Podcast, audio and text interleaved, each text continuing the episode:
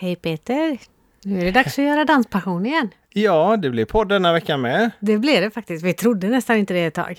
Nej, det var lite småtveksamt men eh, det blir ett väldigt intressant avsnitt och väldigt aktuellt. Verkligen mycket snack om Corona. Mm, och eh, dansklubbars och dansföreningars överlevnad. Eh, tips och idéer och hur svårt det kan vara för vissa att hänga i nu när de har fasta utgifter. Precis, och hur synd det är om alla som egentligen, eller som lever på dans i vanliga fall och dansband och allt annat sånt. Men idag är det ju annandag påsk också. Ja, det är det. Och idag har vi dansat och igår med. Jajamän, kommit igång lite med boogieträningen och fått lite coachning på distans. ja, det är bra att vi har ett vardagsrum. Ja, det är väldigt bra. Och att man har eh, telefoner där man kan spela in sina klipp och skicka och få lite feedback på dem. Ja, och så kan de inte skälla så länge heller utan man, man kan ju stänga av när man tröttnar på att höra det. Ja, så är det. Det är ju jättebra. Nej, men vi får alltid hänga i det där och träna så vi blir duktiga tills tävlingarna kommer igång igen om vi nu kommer på att vi vill tävla någon gång. Ja, om inte annat så lär vi oss dansa. Ja, det är bra. Det är jättebra. Ja, det är och vi blev faktiskt erbjudna lite lektioner i, i Borås dansförening. Vi träffade ju nämligen Daniel och Susanna Everborn nere i deras sommarstuga i Falkenberg. Precis, och det är ju inte så långt bort och vi var bara några stycken. Alltså den familjen och vi, så Ja, då kändes det ändå okej att träffas. och dessutom så eh, blev vi bara tre till slut när vi skulle spela in för att eh, lilla Celine vill inte somna utan mamma. Nej, precis. Inte med mamma heller faktiskt. Nej, det är sant. det blev ett väldigt, väldigt bra avsnitt och eh, väldigt, väldigt trevligt hade vi också. Verkligen supertrevligt och superintressant och vi hade nog kunnat köta dans ett par timmar till där tror jag. Ja, Men vi kommer gärna tillbaka, eller de till oss. Vi får ja precis. Ja, vi kan nog ta en del Så två att vi där får också. prata med Sanna också. Ja, precis. Och spela in det. Precis. Ja, nej, men vi eh, gör väl så att eh, vi inväntar svar från våra coacher i Bugin och eh, sätter på avsnittet med Daniel Everborn. Det gör vi och väntar på att vi ska få lite ström. För just nu har vi strömavbrott för här blåser och stundtals snöar och stundtals soligt. Så det är verkligen aprilväder här idag. Ja, ja och ändå är det sju grader. Åtminstone så säger termometern det. Jätte, jättemärkligt. Men så fort vi får ström så ska vi se till att få färdigt avsnittet. Jajamän. Hej då, ha det gott! Hej då!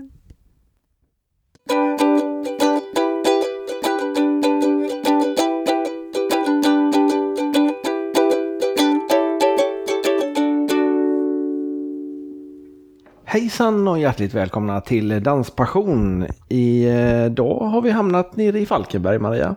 Jättehärligt. Vi har rymt lite fastän det är coronatider. Ja, men vi har inte rymt så långt. Nej, och inte träffat så mycket folk. Nej. Mm, Men vi har träffat två trevliga dansare. Ja, vi har gjort det. Daniel och Susanna Everborn. Hjärtligt välkomna till Danspassion. Tusen tack från oss båda två. Ja, Susanna är och lägger eh, lilla bebis. Ja, Men Celine. Celine, ja. En fantastiskt charmig unge. Som redan gillar dans. jajamän, det har hon fått från pappa. Och mamma tror jag faktiskt. Ja, mamma är ganska duktig också. Men hon kommer väl att hoppa in eh, när, eh, när hon har somnat. Eller inte, ja, när rätt person har somnat så kommer Sanna. Precis. Ja, Eller om så de- kommer Celine ut och Sanna ligger kvar. Det kan vara så. Hon har ju fått tänder nu så det tar ju lite tid. Ah. Ja, väldigt charmig i alla fall. Jo, vi sitter nere i eran sommarstuga. Ja, Väldigt trevligt här. det tycker vi med. Ja, Det, det förstår jag. Och du eh, som jobbar inom snickeribranschen eh, har byggt det själv? Ja, ja. Jag har haft vänner hemma. Du har det? Hjälpt till. Ja. Ja. Men eh, vi har byggt det själva. Häftigt. Supermysigt verkligen. Ja, det är det. Jätte, jättefint. Så att nu vet vi vem som ska bygga våran sommarstuga när det blir någon. Om man, om man nu kan se det som en sommar, sommarstuga. Ja, men det får man säga. Det är inte så högt i tak. eh, Förutom just här då kanske. ja, just det. Här är fyra drygt. Men nu var det ju inte husbygge vi skulle prata om idag. Nähä. Nej, inte idag heller. In- Okej, det är en annan podd. Ja, Det är. Snickeripodden. Jag tror det finns en sån faktiskt. Ja, okej. Inte med oss dock. Nej, vi har hoppat in på dans givetvis. Självklart. Men Daniel, vilken förening tillhör du? Jag tillhör Borås. Ja. Så du bor inte i Falkenberg egentligen? Nej, jag gör inte det. Eh, Bara på sommaren. Annars bor jag i Gångaste som är en liten förort till Borås. tillsammans med Sanna och Selin. Ja. Är du från Borås från början? Eller? B- både ja och nej. Eh, min familj, eller min släkt är ju från Borås, men eh, när jag föddes så stack min far och mor iväg till Bjättlunda som ligger utanför Timmele som ligger utanför Ulricehamn som ligger utanför Borås. Där bodde vi på en gård och hade hästar och djur och grejer. Så när jag flyttade till Borås, det var först när jag började sjuan. Då hade farmors man gått bort och eh, vi fick ta över huset i Brämhult, Borås. Mm. Och det var faktiskt även då när jag gick i sjuan som jag fick denna sommarstugan. Eller inte denna, men den som stod här Mm. av min farmor. Så var det. Väldigt snäll farmor. Ja, eh, därav heter våran dotter Siv i andra namn. Ah. Som farmor. Det är inte många som får en sommarstuga när man går sjuan. Nej, eh, sen var ju hon förmyndare fram till jag blev 18. Eh, och sen så när man är 18 kanske man inte har råd att äga en sommarstuga heller. Så farmor fortsatte ju betala räkningarna fram tills jag var 25. Då upplevde hon att nu är du väl mogen själv. Och det var jag inte. Men jag lyckades ju ha kvar den ändå så att nu sitter vi här. Ja, en nybyggt. Men Ja. nu är det inte mycket kvar av den gamla stu- stugan. Nej, vi har ju två stycken krokar i badrummet som är från farmor. Så det är det enda som är kvar. Men det är lite, den, de har satt sina spår. Så är det. Men det finns mycket sentimentala minnen och farmor finns kvar här. Och med tanke på att Celine heter samma som hon så, så finns hon ju kvar. Härligt. Så så är det. Det är nog inte många som är födda med en sån guldsked i mun tror jag. Som får en sommarstuga när man börjar sjua. Nej, jag känner ingen av dem i alla fall. Nej. Nej. Nej, häftigt. Men, eh, men eh, nu, du har ett, eh, vad jobbar du med i övrigt? Eh, idag driver jag två stycken olika företag. Jag driver byggkonsulterna i Borås tillsammans med en kompanjon som heter Daniel. Och eh, i den firman jobbar och däribland Jakob Berggren som dansar bugg. Och så har vi Robin Jovliden är hos oss också. Så att, eh, många, Som också dansar? som också dansar. Han dansar rock'n'roll. Eh, finns väl i stort sett ingen i våran historik som har dansat på den nivån som han gör. Ehm, så vi, vi i, i deras munnar som vet vad vi är för typ av personer i Borås så heter vi inte byggkonsulterna utan vi heter buggkonsulterna. Och hur ser era platsannonser ut då? Ja, vi har ju inga. Nej, det har inte Nej. När ni söker folk så är danskunskap en merit i alla fall. Ja, ja, ja, så är det. Och nu får vi köra sten, sax, påse här med Robin om det ska bli en ny buggare in eller en ny rockare in. Jaha, okej. För han är ju ensam på rocken där. Ja. ja, det är, det är lurigt det där. Ja, Sen, sen har jag 7H Event och Konferens som har anordnat Dansresan ett par år och som nu aktivt har eh, Tonyresan ihop med Tony. Tony Irving. Ja, som planerat ska bli av i september men i dessa tider när inte ens vi kunde skaka hand idag så får vi se om det blir, blir av eller ej. Mm. Vi vet inte. Vi, Hur långt är det kvar tills den ska gå av? Vi ska åka tredje veckan i september. Så vi håller tummarna. Men det ser ju inte bra ut. Nej, det gör ju verkligen inte Nej, det. det gör ju inte det. Men det är långt kvar. Så vi hoppas fortfarande. Ja, Mm. Apropå inte se bra ut. eh, Hur, eh, hur funkar det nu med det? Har ni några kurser kvar på Borås dansförening? nej vi har ju inte det. Vi, vi sitter ju i en ganska i en ganska svår situation just i och med att Borås dansförening har egna lokaler som vi har ett treårskontrakt på. Och vår lokalhyra är ju en halv miljon om året och det är ju ungefär vad vi omsätter i intäkter. Och um, som det är just nu, eh, så när vi skulle varit fullt igång, så blöder vi ungefär 10 000 i veckan. Det är hemska pengar. Det är det. Eh, och det är ju så här att företag som, som mitt företag Byggkonsulterna, vi har ju känt av det här i form av att det är lite svalare på förfrågningar på mail och telefon och så. Men när det kommer till föreningen så Byggkonsulterna då, om jag bara jämför de två olika organisationerna i och med att jag sitter som ordförande i Borås Landsförening, så kan jag ju jämföra de två och det är att Företaget Byggkonsulterna får in mindre men får fortfarande in förfrågningar. Men Dansportförbundet har ju gått ut mycket riktigt med starka restriktioner av att nu får vi lägga ner verksamheten just i och med att det som håller på att hända händer. Så företagen har ju en chans. Nu jämför jag ett byggföretag. Jag tycker lika synd om restauranger och hotell som jag gör om vår verksamhet med dans. Men mm dansen är ju en ideell organisation där alla människor som är involverade i vår förening gör det på sin fritid. Så vi har inga kostnader där, men vi har ju kostnader på vår lokal och vi pratar en halv miljon om året. Och av en halv miljon att blöda 10 000 i veckan som vi gör nu, för nu har vi bara utgifter. Inga intäkter. Bara utgifter. Och det är många som har sagt att men försök att göra en digital satsning, försök att hitta ett sätt att, att nå ut med eh, att få in intäkter då, för det är ju det vi behöver göra. Ska vi kunna betala våran hyra så måste vi få in intäkter. Det är ju så det funkar. Och att hitta en digital lösning idag skulle ju innebära att vi blottar våran verksamhet som gör att de inte behöver komma till oss sen. Mm. För då finns det ju digitalt, eller mm. hur? Mm. Så om vi väljer nu att sälja kurser på nätet, då kan inte vi ha samma kurser sen. Sen att man väljer att göra det på, något, på någon hemsida där du bara kan se det en gång eller sådär. Men jag menar det finns ju program och allt möjligt som gör att du kan ladda hem det. Eller mm. jag, kan inte jag kan trycka på mellanslag och enter. Ungefär så kunnig är jag. Och så musen är jag ju någorlunda på. Jag får ju den dit jag vill.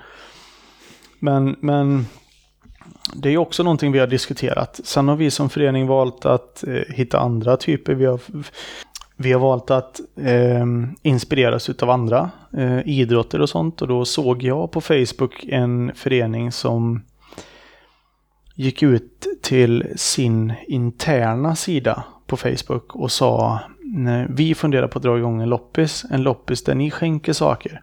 Och så får man köpa det sinsemellan, men mm. pengarna går till förening. Ah.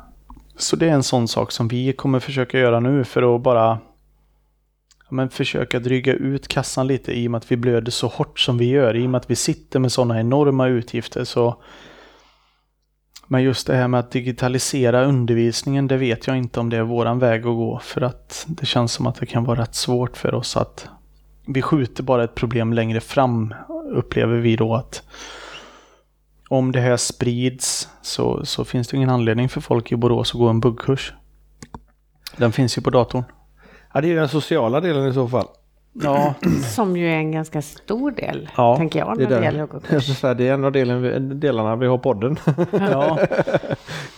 Jo, absolut är det så, men för våran del så har vi en konkurrent i stan också som heter eh, det säger vi inte nu, vi har en konkurrent i stan. Just det. Eh, som inte drivs som en förening utan det är, det är ju ett företag. Det är ju ett vinstbaserat företag som, som lär ut bugg. Eh, och konkurrens är alltid bra, säger jag. För att genom den här konkurrensen så försöker vi vara bäst och, och de försöker vara bäst. Och på det viset så uppdateras vi ju och blir bättre och bättre. Mm. Och förmågan att undervisa blir bättre. Och, men om, om, om den konkurrenten eller vi släpper ett digitalt format av att kunna bli lärda. Så hur många procent utav dem som faktiskt går en buggkurs gör det för det sociala och hur många gör det för att de vill lära sig att bugga? Och om vi nu säger då, vi, vi bara spekulerar i att 50% utav de som kommer till oss gör det för att de vill träffa nya människor. De andra 50% har andra typer utav orsaker som har med dansen att göra. Då har vi fortfarande tappat 50% i våran framtid. Genom att släppa ett digitalt typ mm. av inlärningsforum då. Så, och om vi tappar 50% då är vi borta igen. För att våran förening driver vi så som RF har sagt. Att pengarna som blir vinst, vinst för oss, det går tillbaka till medlemmarna i form av olika fika. Vi har ju aldrig, vi, våra kiosker är ju inte bemannade idag utan de som går sociala kurser, ta en kaffe, ta en bulle. Det, vi lägger alltid tillbaka våra pengar. Men de pengarna är inte 50% Så skulle vi lägga ett digitalt typ av inlärningsforum och vi tappar 50% av det, då dödar vi oss själva. Men efter covid-19. Usch. Mm. Vad var fokus på dansklubben innan? Innan, Innan covid-19 alltså, vad är fokus på danskurserna kan man ska säga då? vå, vå, vårat fokus, vi kan säga så här, vi har två olika fokus i vår förening. Det absolut första vi har, det är ju, det är ju den sociala delen. Just med vart vill vi att dansen ska? Eller inte ska, inte dansen ska, men vad vill vi att de som kommer hit lär sig? Och, och vi har väl konstaterat efter ett x antal säsonger att våra kurser är, om, om, om vi pratar basic idag, så är det väldigt olika i olika föreningar. Men hos oss är det verkligen väldigt, väldigt basic. På tio tillfällen så lär sig de som går dans hos oss att bara göra en vänstervändning och, en högervändning. Men i olika typer utav eh, kombinationer och då menar jag inte att vi gör olika slingor av det utan först vänstervändning, sen vänstervändning två varv, sen vänstervändning hållen, sen efter det går vi in till att göra högervändning så att de får lära sig väldigt lite. Men vi har lagt mycket mer fokus på hur instruktören beter sig, hur instruktören lär ut för att det ska vara en intressant kurs. Vilket betyder att nummer ett, som vi har konstaterat i våran förening, dansarna blir oftast väldigt duktiga på det lilla de lär sig. För inlärningen, det, det går inte så fort utan de får, de får lov att få tid på att öva. Eh, sen är det så, det här låter väl lite dumt att säga, men vi är ju en, vi är en förening som gör detta på ideell basis. Men vi vill ju överleva, eller hur? Mm. Och att överleva betyder att få intäkter. Om jag lär ut tio stycken turer på en kurs, hur många turer kan du? Ingen aning, men jag gör inte alla. Nej, men om du, om du bara spånar, hur många turer skulle du kunna känna dig trygg med att det här skulle jag kunna lära ut en dag? Sju, åtta kanske? Ja, sju, åtta. Så om jag lär ut tio turer på en grundkurs, då förväntas det ju att jag lär ut tio turer på en fortsättningskurs också, eller hur? Ja. Och jag själv som privatperson, Daniel här, dansaren Daniel. Om jag nu fortsätter att benämna det som tur, även om jag skulle säga att det är variationer utav rotationer, men vi säger benämningen tur då, Ja. så som vi har pratat här idag. Så jag kanske kan 15 då. Säg att jag kan 15-20 turer. Det betyder att jag kan hålla en kurs i två säsonger. Mm. Sen kommer jag nog få börja om igen. Och vad händer då? Då tröttnar ju de, eller hur? Ja. Då känner de det här gjorde jag ju för fan för 18 veckor sedan. Så genom att smala ner eh, själva innehållet av en kurs har vi märkt gör att vi har kvar folket hos oss i 5, 6, 7, 8 säsonger. Vad är det som gör att man fortfarande tycker att det är roligt då om det går så pass... För det låter som att det går långsamt, men jag antar att ni får fram en annan känsla när man väl är på kursen. Ja, och det har vi eh, konstaterat. Det handlar om instruktören. Personen som står med micken i mitten. Och den ska ha kvalifikationerna som är... Nej, men att, att, få fram, att få fram stämningen i, i, i salen. Locka fram mycket skratt. Jag har en förebild här i Danssverige. Han heter eh, Håkan Torssell. Mm. Sen eh, Johan Ås är också fantastisk på det. Han kan göra den absolut mest, eh, absolut mest okomplicerade övningen att ändå bli komplicerad och man får en otrolig glädje av övningen. Liksom. Så det handlar väldigt mycket om den energin man ger som instruktör i mitten. För att få eh, folket att tycka att kursen är bra. Mm. Och egentligen så är det så att de, de kommer ju dit för att lära sig någonting. Och på det viset som vi håller kurs så känner jag att de faktiskt får lära sig någonting. Jag- tror personligen att den här eh, långsammare varianten är bra för folk, eh, inklusive jag själv, är nog lite dålig på att repetera när man väl kommer hem. För det behöver man göra. Man kan inte tro att man kan lära sig på tio gånger. Nu är Celine inte, inte alls glad. Nej, nu är det frågan om framtänderna är på väg ner också. ja, just det. In i mammas skinn. Ja. Nej, men jag tror att det kan vara en fördel för att då får du repeterat och då sätter det sig bättre. Och då har du lättare för att få bra sen. För det finns ju många som man har som går kurs efter kurs efter kurs men faktiskt inte hinner med att lära sig heller. Ja, och, och det, där. Jag, jag har försökt att ta på det lite grann. Um, det var en sak som blev lite viral här för tre, fyra år sedan som heter fem minuter om dagen på Instagram. Mm.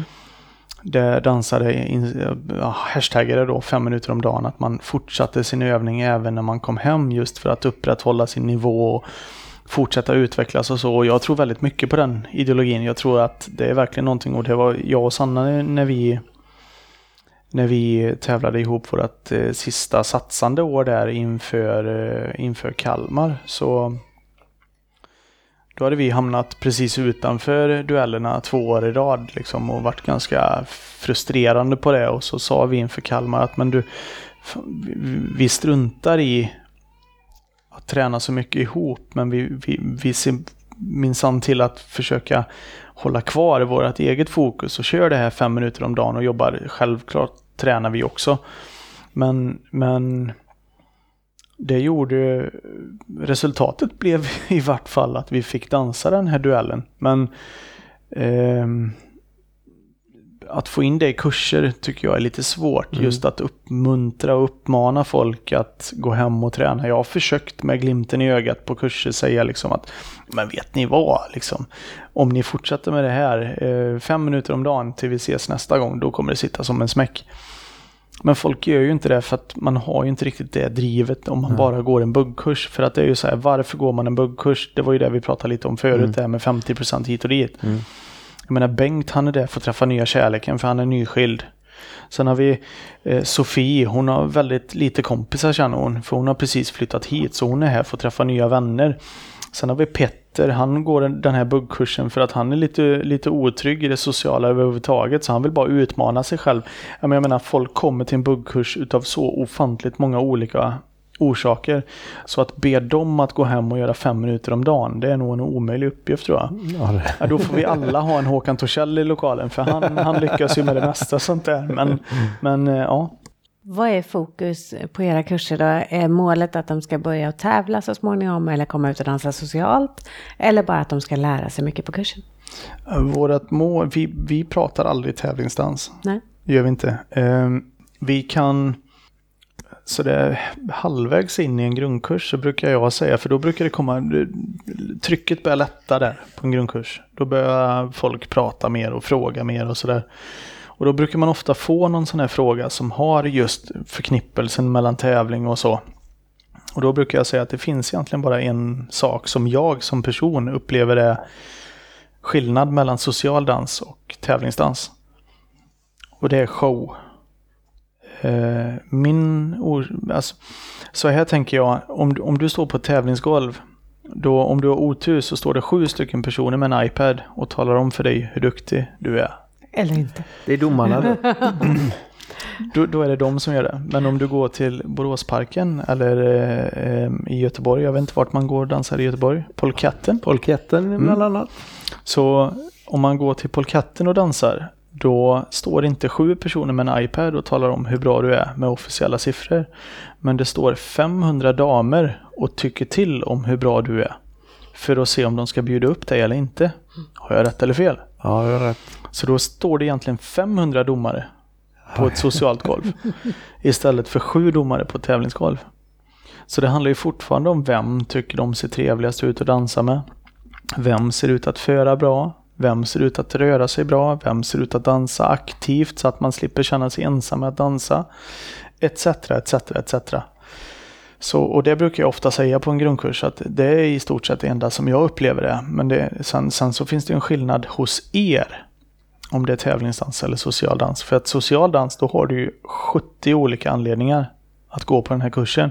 Mm. Men om du tävlingstränar då är du ute efter ett resultat, eller hur? Ja. Och det är ju också så att pedagogen som står i mitten och lär ut måste ju kunna skilja på sin utlärning till om du står inför en tävlingsdansare eller om du står inför en social dansare. Mm. Och förstå den skillnaden. Vilket eh, brukar du göra mest? Är det mest tävlingsträning eller är det mest eh, nybörjare eller mittemellan? Det, det är faktiskt 50 procent av varje. jag, och, jag och Sanna vi åker runt och undervisar en del och sen så håller jag i träningarna i Borås när det kommer till tävling. Och sen social dans så håller jag eh, kurser eh, 1, 2 och 3 på torsdagar i hemmaföreningen då. Men sen i vissa föreningar när vi åker runt i landet så, um, så är det ju ofta, det är ju nästan alltid tävlingsdans. Um, men så har jag faktiskt sagt att passa på nu när det kommer någon utifrån att bjuda in era sociala också så försöker jag sätta det på den nivån och det är fler och fler föreningar som har valt att göra det just för att skapa ett intresse hos dem som kan bli en inkörsport till att kanske våga sig på nästa kurs eller få lite inspiration och sådär. Så att det är väldigt olika. Jag har haft jättemånga olika jobb. Allt ifrån att jag själv har varit på polketten och undervisat det var lite speciellt dock, stå med Tony. Så när jag hade micken så kollade alla på Tony ändå. Fast jag hade micken. så när jag stod och undervisade så kollade de på honom. Och när han undervisade så kollade de på honom. Och då var jag ingen. De tänkte det, vilken bra svenska de har lärt sig. ja, precis. precis. Men det var i Bugg ni hade kurs där tillsammans eller? Ja, det var Bugg. Mm. Det var det. Men du har dansat annars också? Ja, Bugg har jag dansat. Um, Tävlat i också? Ja, tävlat i. Eh, det, det, tyckte jag spontant tycker jag att boogen är jätterolig. Det är bara att jag började med det för sent. Um, hade för långt kvar till de andra, om man säger så. Det var lite... Börja med det för sent, hur tänker du då? Det blir lite svårt jag, för jag, oss. Jag tänkte just säga det, hur gammal är du Daniel? Jag är ju 35 då. Ja, och... och vi började nu då vi är snart 50. Ja. Det är ingen idé att fortsätta då? Nej, precis. Nej, men för min del så var det ju så att man tävlar ju mot eh, nu vet inte jag om man ska säga namn här. Jo, det kan du göra. Ja, men man tävlar ju mot eh, Benjamin Anki, Karl Bettan. Alltså alla dessa människor tävlar man ju mot i buggen. Mm. Och sen hoppar man in i buggen och så tävlar man i B-klass. Men B-klassen var så liten så man fick hoppa upp i A-klassen då. Mm. Så man fick tävla i B-klass men tävla mot A-klass. Och det förstår ni ju själva att om man precis, har, börjat, om, mm. om man precis har börjat B-klass och så går man upp och möter då eh, Nils Bianca, eh, Benjamin Det blir ofta inte jättebra Carl resultat Bettan, på tävlingarna Jonte, Emma, du vet hela detta gänget så står man mot dem där i en final, går ut i svinsmala byxor, ser ut som en pepparkaksgubbe och försöker sprätta iväg en boogie. man får ju inte jättebra självförtroende utav det. Så att, det, nej, hade det varit en B-klass så hade vi nog kanske fortsatt om det hade funnits lite konkurrens där. Men det, det blev, det blev, klyftan blev för stor. Men då alltså. borde du nu om du är 35, då borde du hamna ett steg uppåt. Ja, jag borde ju det. Ja. ja men jag gör ju inte det. Varför det? För att min partner är ju inte 35. Ja, du får byta mm. till en äldre. Ja, det kommer. Hon kommer bli 35 eller byter du partner? Vi, vi får se. Ja. Jag vet inte. Nej, men... Men då får ju vi samma problem. Mm, för Om då han... kommer ni upp i samma klass som vi i så fall ska dansa i. Så ja. ja, det är ju jättetaskigt Men jag är extremt ur form nu. Ja. Så det är bra. Fast du har på längre. ja. Men då, då kommer vi till nästa fråga. Vad, vad tycker du om, eh, det, det finns ju, eh, vad heter det, 55 plus? 50 plus? Eller 50 va? Ja. ja. Men det är väldigt få tävlingar där. Hade inte det varit en bra grej så slipper du möta oss. Eller tvärtom. tvärtom tror jag med faktiskt.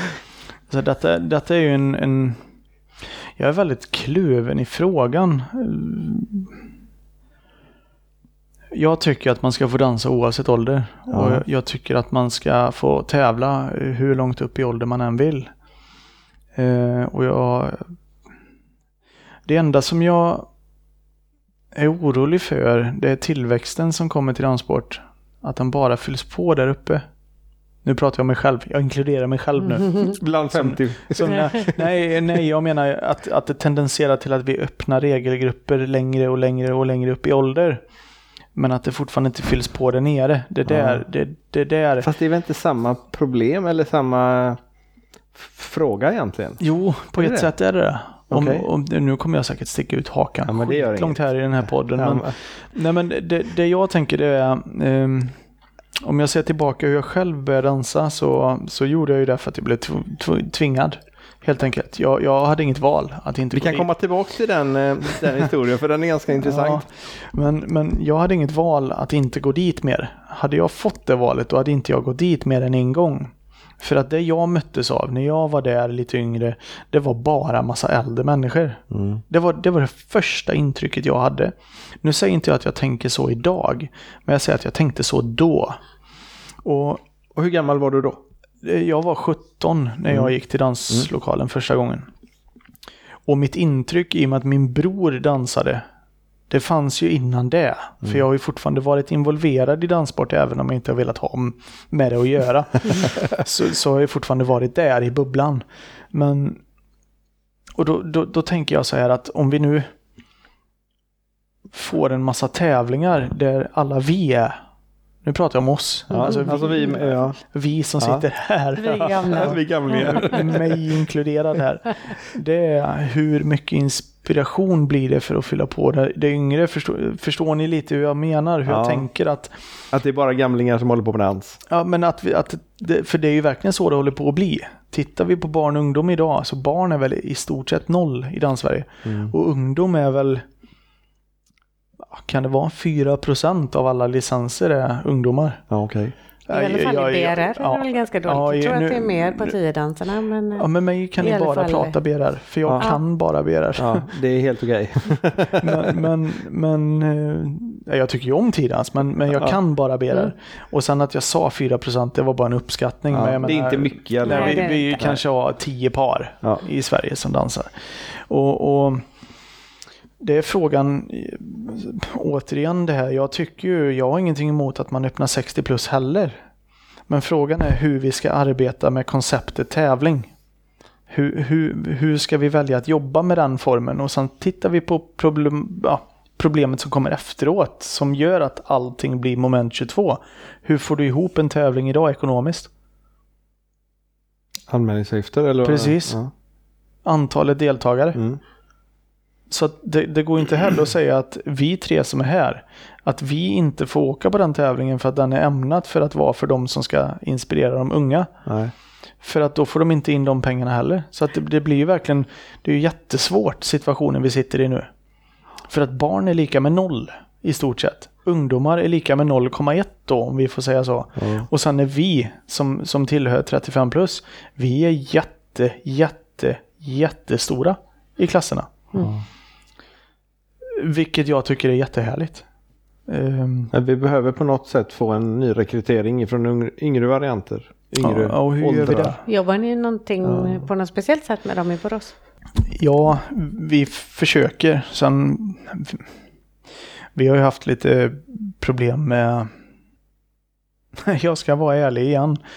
Eh, jag och en eh, annan danskollega i vår förening, vi tog ledigt från vårt jobb och åkte till en skola i Borås. Och då, eh, fyra gånger skulle vi vara där. Fyra dagar, fyra onsdagar i rad. Och då var det inte ettan, utan tvåan, trean, fyran, femman, sexan på rad. 45 minuter för varje. Och tvåorna var ju superhärliga för de fick vi inte ens att hålla i varandra för det var äckligt. Mm. Eh, inte för att de tyckte att dansen var, var töntig utan för att det var äckligt. Det, det, nej, jag vill inte hålla i henne. Jag vill hålla i Hampus. Så. Sen så kom vi till treorna som eh, vågade hålla i varandra men tyckte att det var lite obekvämt sådär och musiken var lite dålig. Så, och, eh, jag menar, jag tänker att jag håller ju en buggkurs så jag kör ju självklart striplers då. Ja, och fyrorna då, jag måste säga fyrorna var de vi kom närmast för att de, de, sk- de sket ju vad vi sa, men de skrattade och flamsa och försökte ju bugga och det, det var ju jätteroligt och när, när vi visade dans så dansade vi inte bugg så som man borde dansa bugg utan jag kanske stod på händer eller hoppade upp och gjorde någon klackspark eller och kanske inte fullt så jättebra förda figurer och turer heller, men de tyckte att det såg skitkul ut och så försökte de göra samma sak, så det var jätteroligt. Sen kom vi till problem, ja, problemen, vad jag anser, det var ju femman och sexan, speciellt sexan. Då stod det ju barn och sa åt mig vad jag var för någonting och det var ju inga vackra ord. Det var ju rätt grova ord som jag inte tänkte att jag skulle få höra från en som går i sexan.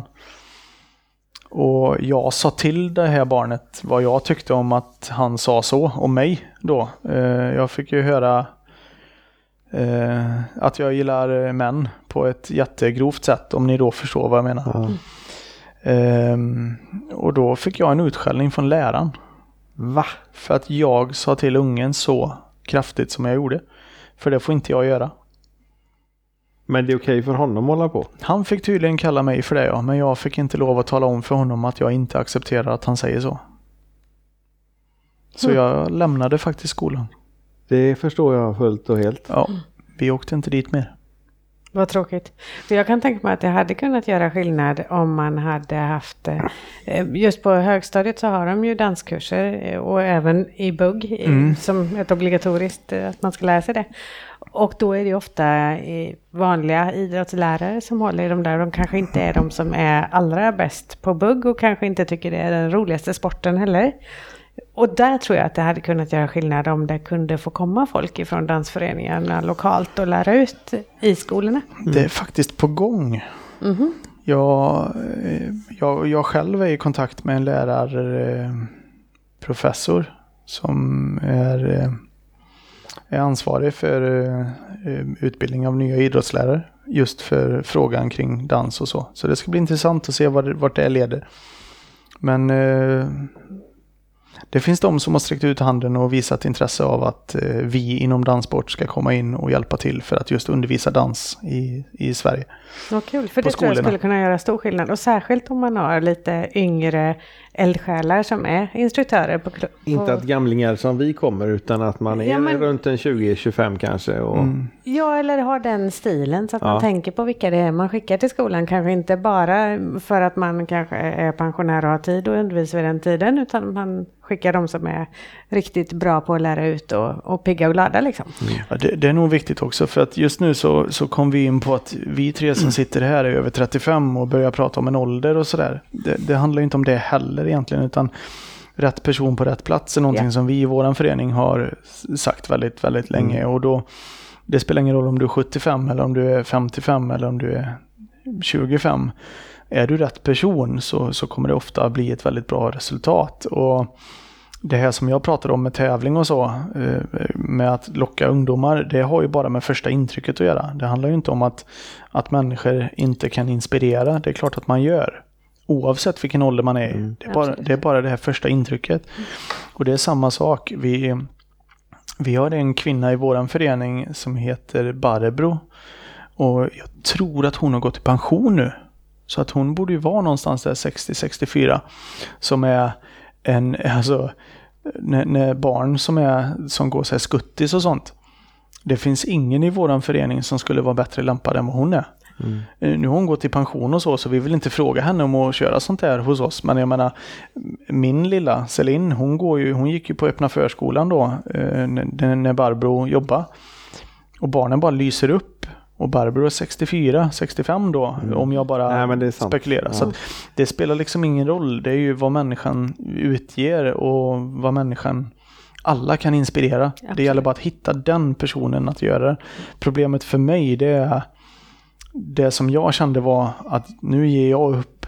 Nu går jag härifrån. Det var just att jag blev tillrättavisad. Att jag frågade en unge vad fan säger du till mig? Mm. Att jag valde att få in en svordom i det. Det var att jag fick en utskällning. Men jag blev i själva verket kallad för fyra olika andra typer utav jättefula ord. Nej, det är ju inte okej någonstans. Nej, och då... då det, hade du bara sagt till ungen och den hade skärpt sig så hade du kanske varit kvar och gjort ett intryck för resten av den klassen. så är det. Kanske och honom med. Ja, precis. Kanske allra mest. nu Ja. ska ju vi tillbaka till den skolan. Ja. Men han vet inte om det. Men inte jag. Nej, okej. Nej, inte jag. Nej, usch. Nej, det är, det är trist. Ja, jag såg en bild på Facebook eh, för ett par veckor sedan.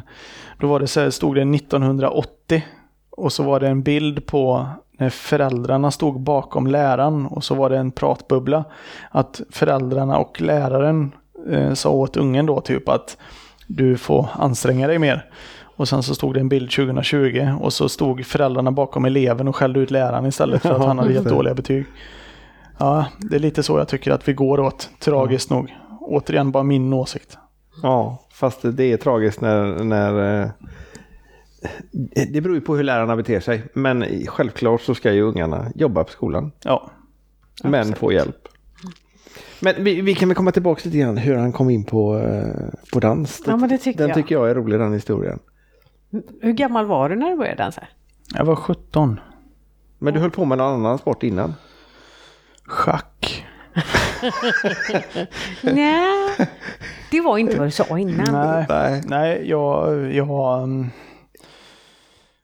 jag slogs, gjorde jag. Slogs. Ja, jag tävlade ganska aktivt i boxning, gjorde jag. Det var rätt hög nivå där också.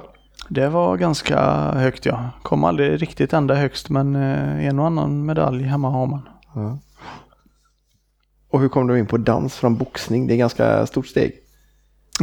Trampa på ett bananskal. Bara gled in. Ja, just det. Nej, Bra men- fotarbete i bägge. Ja men precis, ja, det måste jag säga. Det hjälpte mig en hel del från början. Det, Ja. det. Nej, min, eh, min lillebror han eh, dansade bugg och, mm, och jag boxades. Och så skulle vi prova varandras idrott. Ehm, jag provade hans och han provade min. Hur kom ni på den idén då? Nej, det var väl mest att jag... Jag vet inte, hur, hur fula ord får man säga? I fan podden? vilka ord du vill. Ja. Nej men eh, min, min- min bror han är ju tillsammans med en kille som heter Patrick och de bor i Schweiz. Ja. Eh, på den tiden när vi var yngre och Tommy buggade så sa jag nej fy fan vad bögigt. Nej, nej för helvete, jag skulle aldrig syssla med det. Nej fy fan vad töntigt. Fan du är ju bög ju. Så höll jag ju på så. Och sen så var det väl, det var väl den jargongen från mig gentemot Tommy som fick våra föräldrar att reagera, eller främst min mamma då som som jag tror, detta var ju så länge sedan, men jag tror att det var hon som, som uppmanade till då att men ni får väl prova varandras idrott då. Och det var ju så att jag och Tommy vi tävlade ju i allting. Vem som kunde kasta en sten längst och vem som kunde... Det var ju så hela våran uppväxt. Och det var ju för att jag visste att jag alltid vann.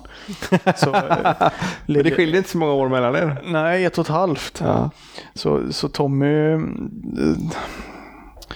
Ja, jag tycker synd om han nu i efterhand.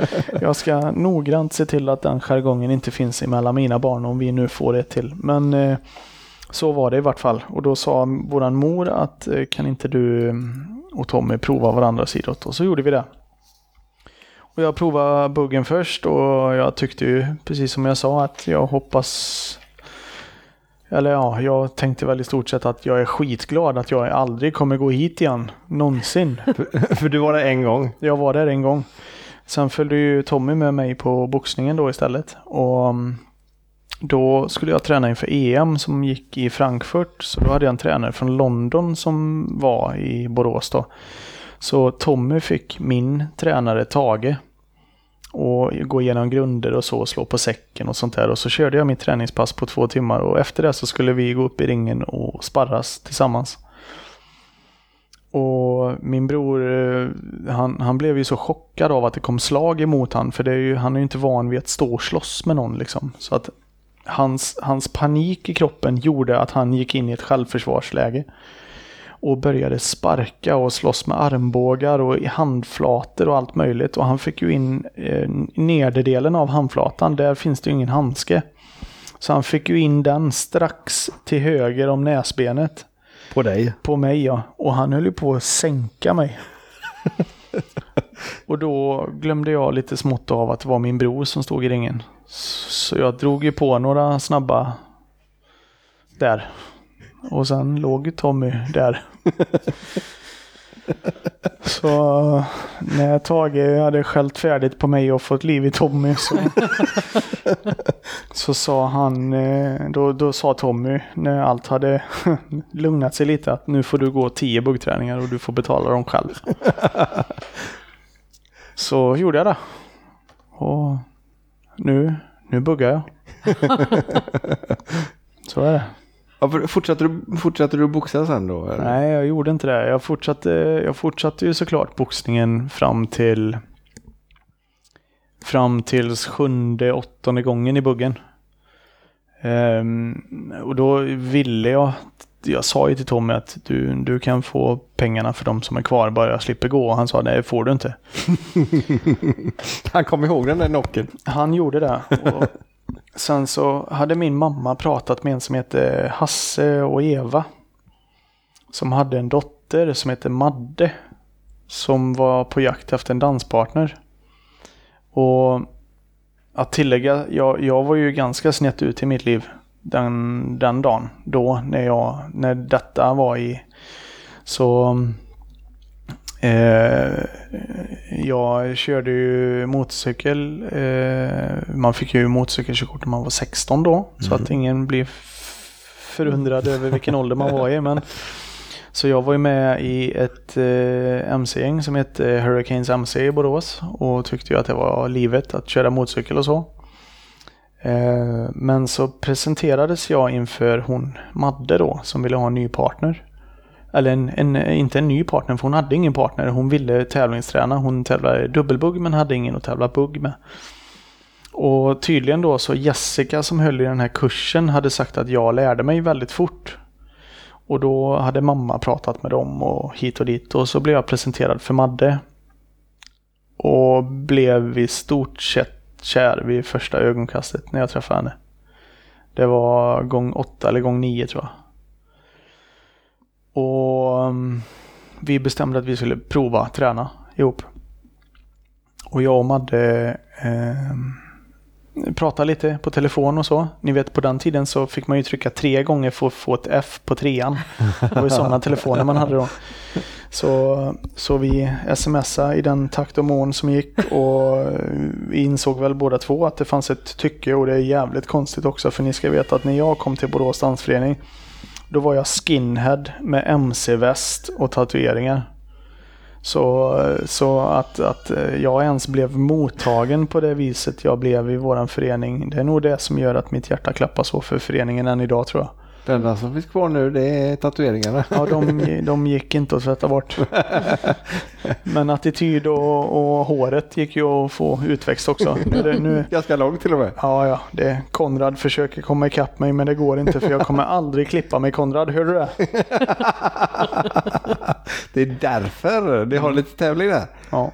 Jag hörde på SM, om det om det var senaste SM eller om det var innan han hade sagt att om han hade placerat sig på någon viss placering, jag kommer inte ihåg vilken det var, så hade han klippt av sig tofsen. Sa Konrad det? Mm. Nej. Jo, han blev intervjuad av Babsan efteråt. eh, Och så var det, ja det var någonting jag hörde, ja.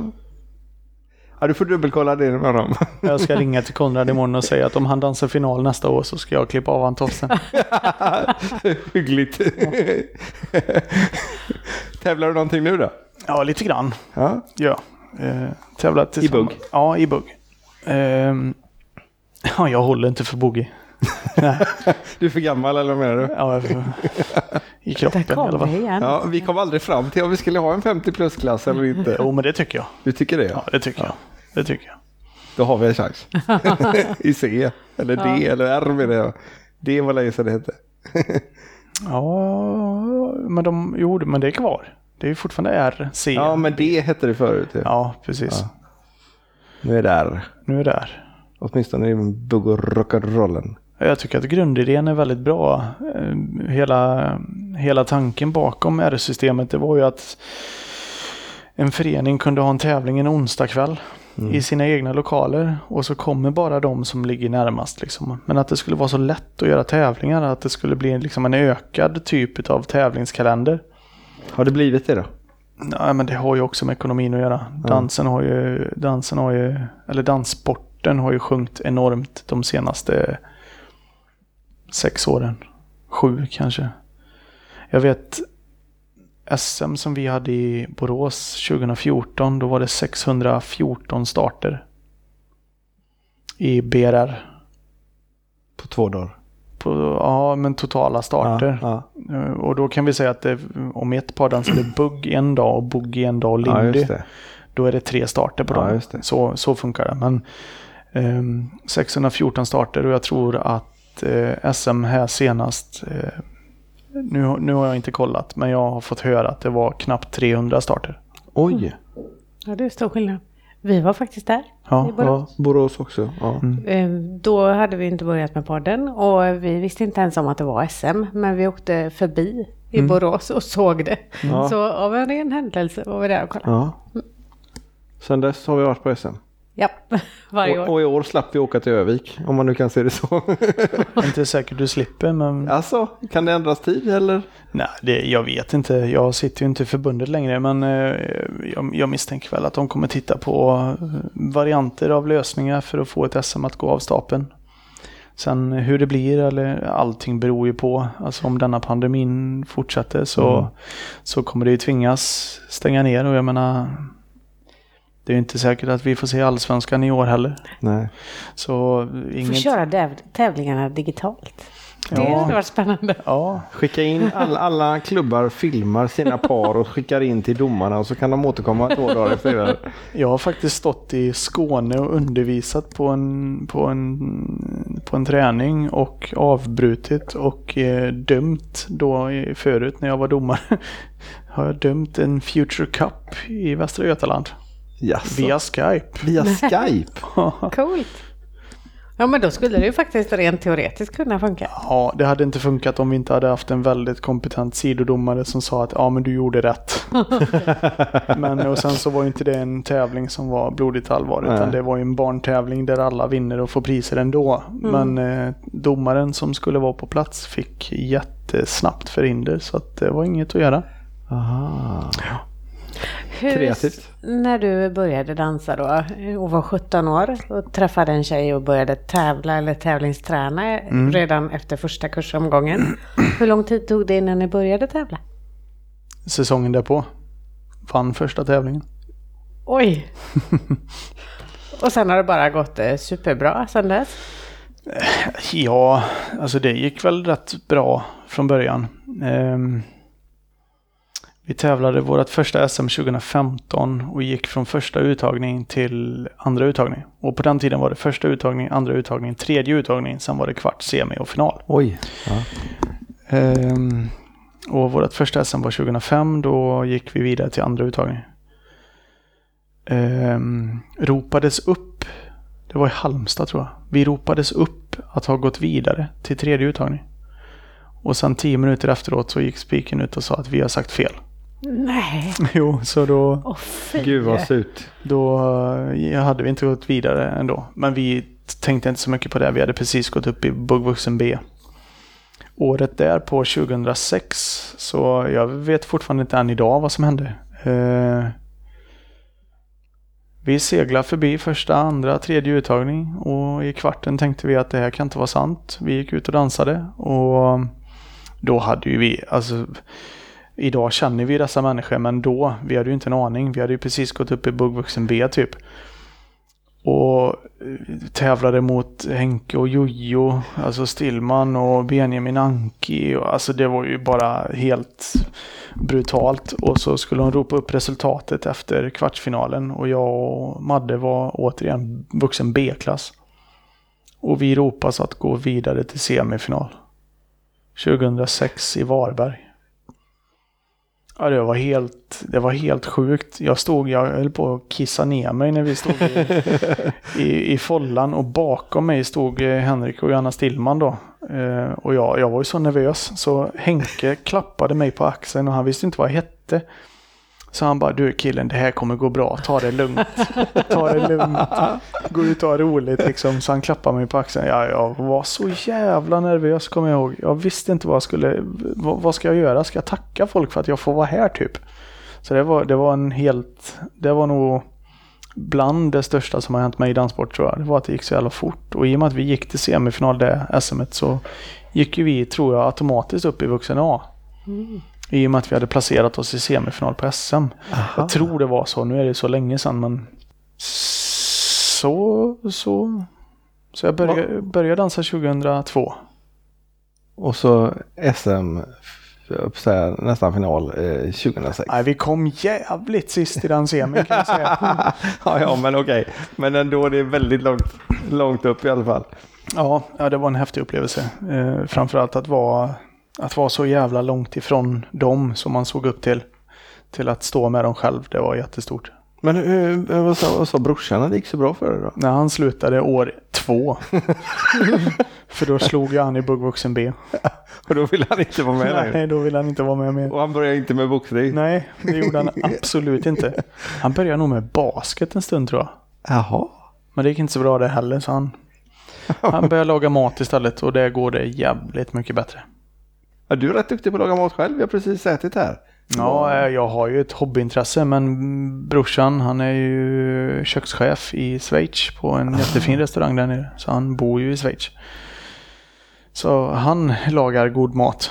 Kul. Mm. Så man kan väl se att jag har gett han det. Ja. Och du fick dansen av honom. Ja, precis. Och vi slapp slå varandra på käften mer. Boxningen Det är bra. Nu, nu bor ni ju ganska långt isär också då. så- Ja, Är du nere och smakar på all mat ibland? vi har faktiskt inte varit där. Tanken Nej. var att åka nu men så kom ju det här. Ja. Ställer till det på alla plan. Ja, det gör det. Men du, danstävling, visst har du väl tävlat även i dubbelbugg eller? Ja, Berätta. hur vet du det? Jag vet det för att jag tror att du gjorde det när vi var i Borås dansförenings lokaler och kollade på någon träning. Då tror jag att ni höll på att träna lite grann. Men var det nyligen? Nej, det var nog ett år sedan tror jag. Nej, då tränade jag, Sanna och Linda och Jakob.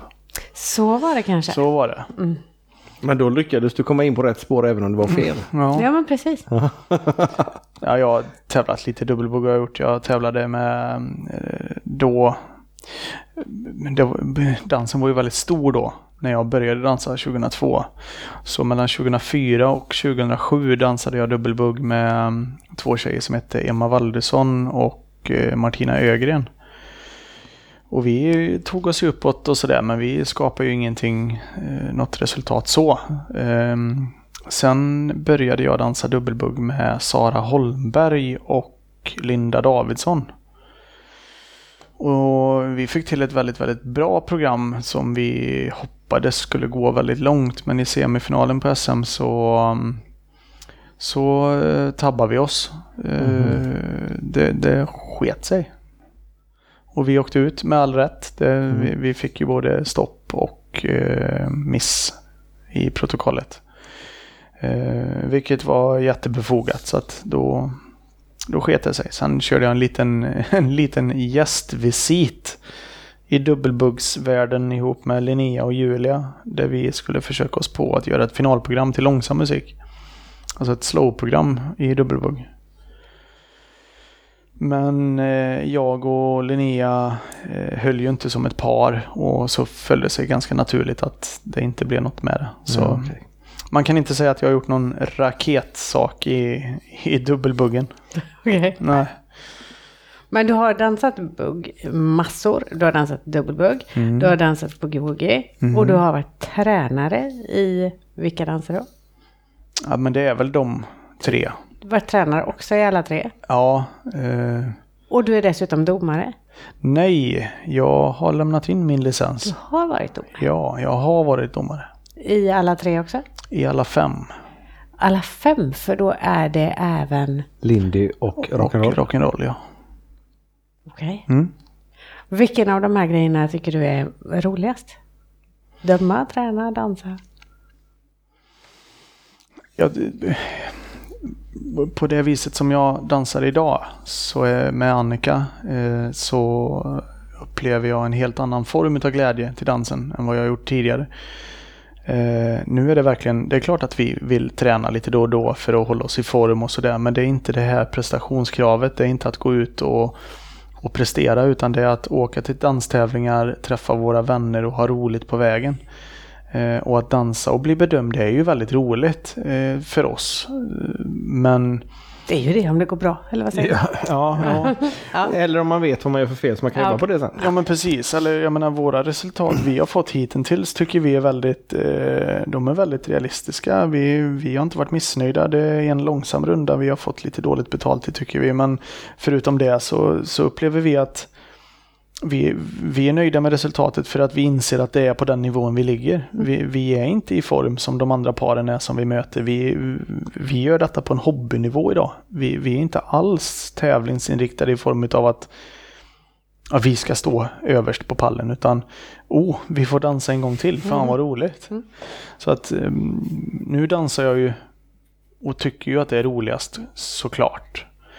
Um, men sen senaste ett och ett halvt året så har den här tränarbiten blivit lite annorlunda. Jag har gått in och hjälpt eh, par lite mer återkommande. Eh, bland annat ett par som ni kommer träffa snart. Eh, Björn och Maria som man har fått vara med på en resa där man har fått se andra utvecklas och fått vara en liten bit på väg, eller en liten pusselbit på vägen som kan vara med och hjälpa till. Och det har också varit väldigt tillfredsställande att se att, att både den hos de paren man nu har hjälpt till med, det finns några par som, som jag har varit inne och stöttat lite grann, men se just inte bara den dansanta biten utan även den mentala biten, att man kan vara med och hjälpa dem på den vägen också. Det har också varit väldigt tillfredsställande. Det har varit väldigt, eh, man är glad när man går därifrån. När man känner att fan, vi kom en bit till. Och då är det inte min egna resa utan det handlar ju om deras resa. Men att ens få vara med på den resan och vara med och, och se den här framgången komma. Det, det, är också någonting som, men som ger en helt annan typ av glädje. Inte, då handlar det inte om mig, utan då handlar det om någon annan. Så att eh, undervisningen som vi gör när vi åker runt är ju fantastiskt roligt. Vi, vi har vänner på många ställen här i vårt avlånga land.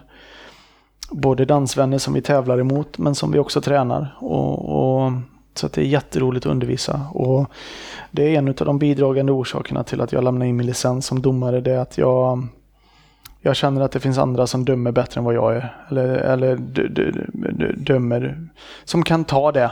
Och så kan jag fokusera på att försöka fylla på danssport och inspirera mer människor till att kanske vilja börja tävla eller ta det ett steg till att satsa eller vad som helst. Jag, jag lägger hellre krut på det än att tala om för folk hur bra de är. Eller hur dåliga de är i vårt fall. ja, jag väljer ju aldrig säga så. Utan... okay. Hur bra de är på, på skalan. Man kan ju vara mindre bra. Eller mer bra.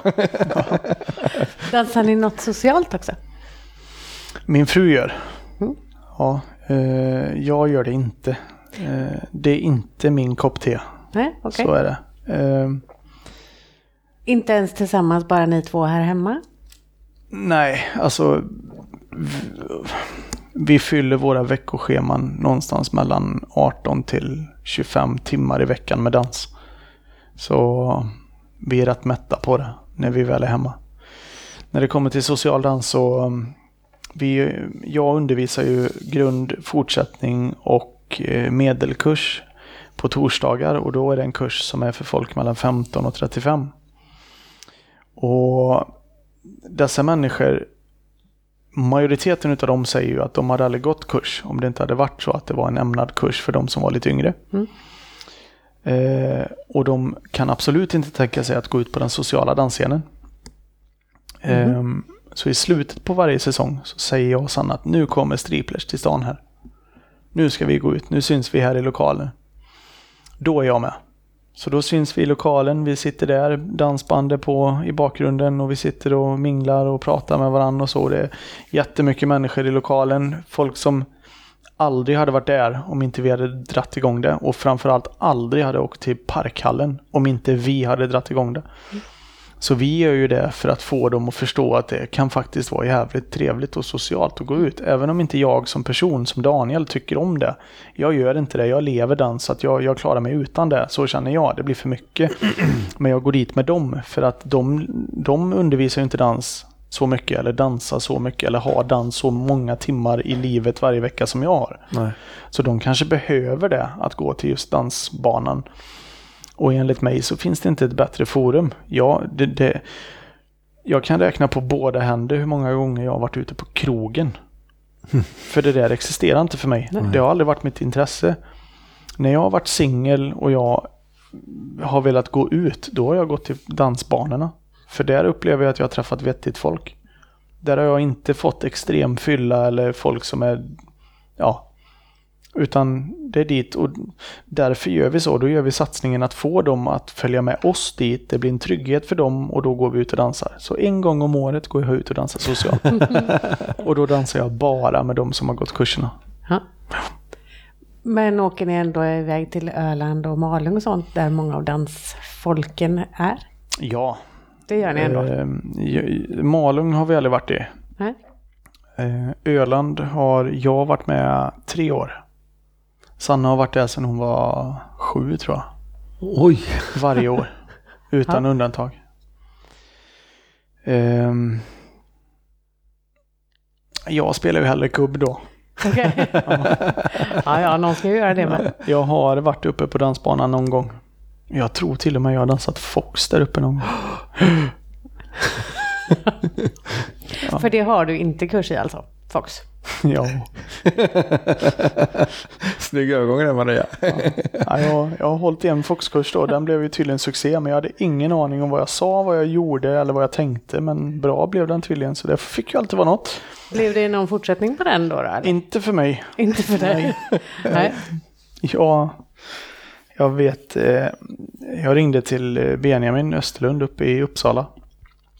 Och frågade han hur fan håller jag en Foxkurs?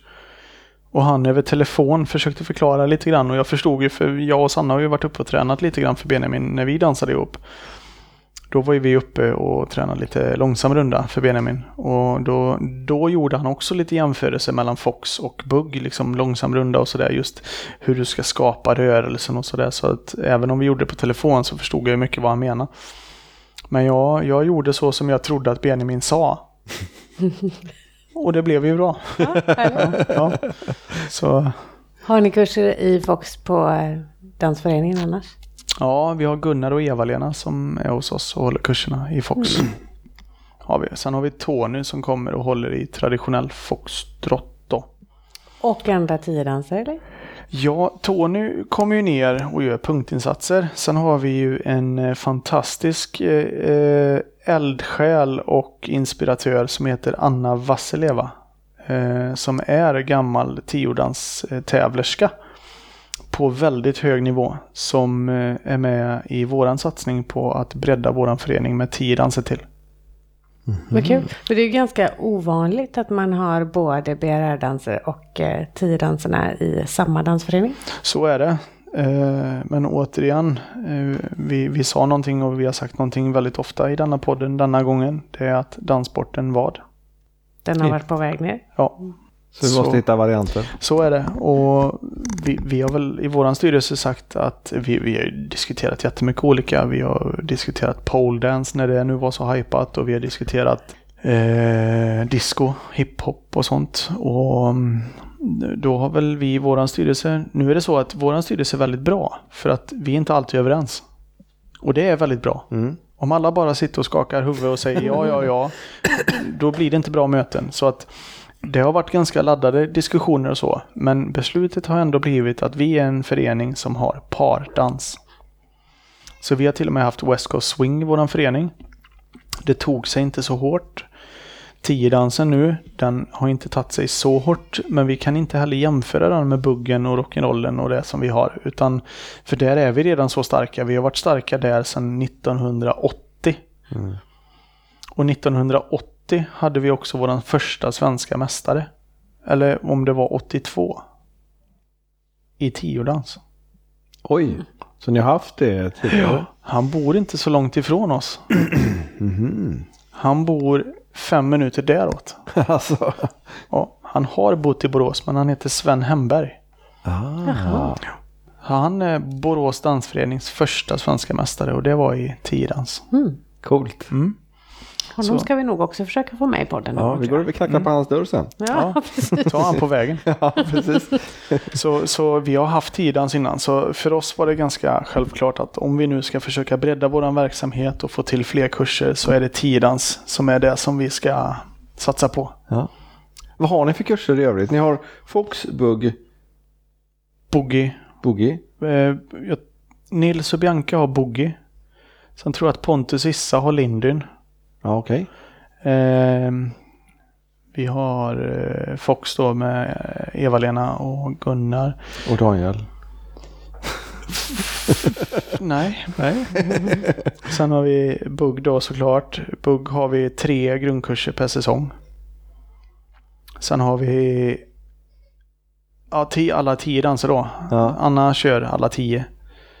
Eh, West Coasten har vi lagt ner. Ja. Mm. Och hur, hur gammal måste man vara för att få vara med på era kurser? Du behöver kunna gå. Okej, Ja. ni har barnkurser också? Vi har barnkurser. Denna säsongen som har varit har varit en liten paus. Vi hade Ja. en instruktör som ehm, som helt enkelt behövde ta en paus ifrån det. Ja, okej. Eh, och det är inte så lätt att hitta nya instruktörer. Men nu har vi gjort det. Så nu har vi en fantastisk Veronica här som ska komma in och hålla lite barndans. Ja, kul. Ja, Sen Peter så har vi ju våran standardfråga. Mm. Vad innebär danspassion för dig? jag, tycker, jag har hört att ni har ställt den frågan innan. Eh, Och jag tycker att det är en väldigt bred fråga. Jag tänkte på det. Jag höll en kursledarkurs, alltså en utbildning för nya kursledare i Växjö för ett tag sedan. Där vi pratade om just det här. I, i, I det stora breda sammanhanget. För det kan ju vara på så många olika sätt. Men jag antar att ni vill att jag ska säga ett ord. Nej. Nej, du får utvidga det så länge du vill. Ja, men danspassion för mig är när jag och en annan människa får till en väldigt bra dans tillsammans. Det låter så klyschigt, men att, att, att vi vi skapar någonting som är både behagligt, bekvämt, roligt och glädjefyllt tillsammans. Det är för mig danspassion. Just att man skapar det tillsammans. För nu pratar jag för mig själv. Okej, om jag står framför spegeln och, och, och gör så här. Det klassas som dans, absolut. Men för mig gör det inte det. Utan för mig... Vifta med armarna var det han gjorde. Ja, vifta med armarna. Ja, jag- så här, och, så, och så med näsborrarna. Så. Ja, det. Var det som var boxningen i det hela. Ja, precis. Men, men för mig är dans passion när vi två får ihop någonting som är väldigt behagligt, bra och glädjefullt. Jag blir ju glad av att dansa framför tvn också, men det här med passion som ni pratar om, danspassion. Jag blir inte särskilt passionerad av att stå framför spegeln och vifta med armarna. Men, men när jag tillsammans med en partner kan skapa någonting som en förd dans, alltså det vill säga att jag jag gör någonting som skapar ett resultat. Det är för mig passion. Kursledarkurs blev jag lite nyfiken på nu då. Mhm. Vad gör man på en sådan? Och lär man ut att hålla kurs eller att hålla kurs just i en speciell dans? Ja, jag höll ju en kursledarkurs i bugg. Gjorde jag. En bugg grundkurs. Går man igenom hela momenten då ifrån Man, man går igenom varje, varje tur eller varje Ja, man grund? går igenom alla tio kursgånger men framförallt så har väl jag ehm, Återigen så kommer det här namnet upp men det är för att han är, en, han, han är ju ett bollplank till mig men Benjamin då, Österlund eh, och jag, vi har ju pratat i många år om just det här med, med utlärning och hur man kan göra det bra och sådär och jag berättade ju också att min förebild då bland annat Håkan Torssell, han är ju väldigt bra på just det här med hur du håller kurs. Mm. Innehållet är inte egentligen det väsentliga utan det är ju vad du förmedlar till dina, till dina eh, deltagare. Hur du förmedlar det. Vad du förmedlar är egentligen bonusen av det hela för att det är, ju- det är ju känslan som de går därifrån med som är det väsentliga för din del som kursledare, eller hur? Mm. Sen är det klart att det du vill skapa är ett bra resultat. Men de kommer fortfarande inte tillbaks om de inte går därifrån med en positiv känsla. Och vad behöver man då göra som kursledare för att skapa det här i salen? Du står i mitten, det står 100 pers runt dig. Hur behöver du arbeta för att jobba med de här 100 personerna? Att de samtidigt som de lär sig har jävligt roligt. Det låter som en jättekul kurs. Ja men verkligen. Och sen är jag ju... Så, alltså vi har pratat om jättemånga människor idag som också har kurser. Och ingen av de människorna har vi gått kurs för. Nej, det är sant. Jag tycker vi har gått ganska mycket kurser du och jag. Ja, Men vi vad mycket kul kurser. vi har kvar. Ja, du tänker så ja. Ja, så fort corona bara är borta, då. Ja. Jäklar vad vi ska gå kurser. Bara det inte är sådana här som är varje vecka, för det är väldigt långt till exempelvis, eh, vad sa du, Uppsala? Eller vad var det? Ja, Håkan och, och Johan Ås och Benjamin, de finns ju i Uppsala. Ja, Jaha, det blir långt att pendla varje vecka. Fast vi får ju nöja oss med Borås till att börja med då. Ja, Borås är nära. ja, det är inte det är ofta perfekt. folk säger så. Vi får väl nöja oss med Borås. Jag brukar, på, Okej, jobb, på, Borås är inte så långt Nej. så dit kan vi ju på, jobbet har, boka. på jobbet har vi den varianten att eh, så, så, så brukar folk säga ah, men jag ska åka på semester hit och dit eller jag ska åka till Thailand. Jag har en kille som eh, han älskar Thailand. Och så säger jag att eh, satsar du på Borås istället? De har allt. Vadå allt? Ja men de har ju badhus, de har djurpark. Det var det är liksom som Thailand ungefär. Så att eh, jag lovordar Borås dagligen på jobbet. Vi har ju faktiskt dessutom åkt dit med kompisar också. Ja, bott på campingen. Ja, precis. Jag beklagar. Nej då, för katter. Det var jättetrevligt. Ja, vi var på Hobbex och vi var på Terrariet och vi var på djurparken. Ja. Ja, nej då, det är inget att gnälla på. Sen har ni varit i Borås och dansat ett par gånger. Absolut. Det har vi också. Mm. Danssportförbundet har du varit aktiv också. Ja, en, eh, en, eh, en eh, kort eh, insats eh, var jag. Jag blev invald som suppleant i Danssportförbundet och hade som uppgift att bygga upp VOBRR igen. VO, alltså.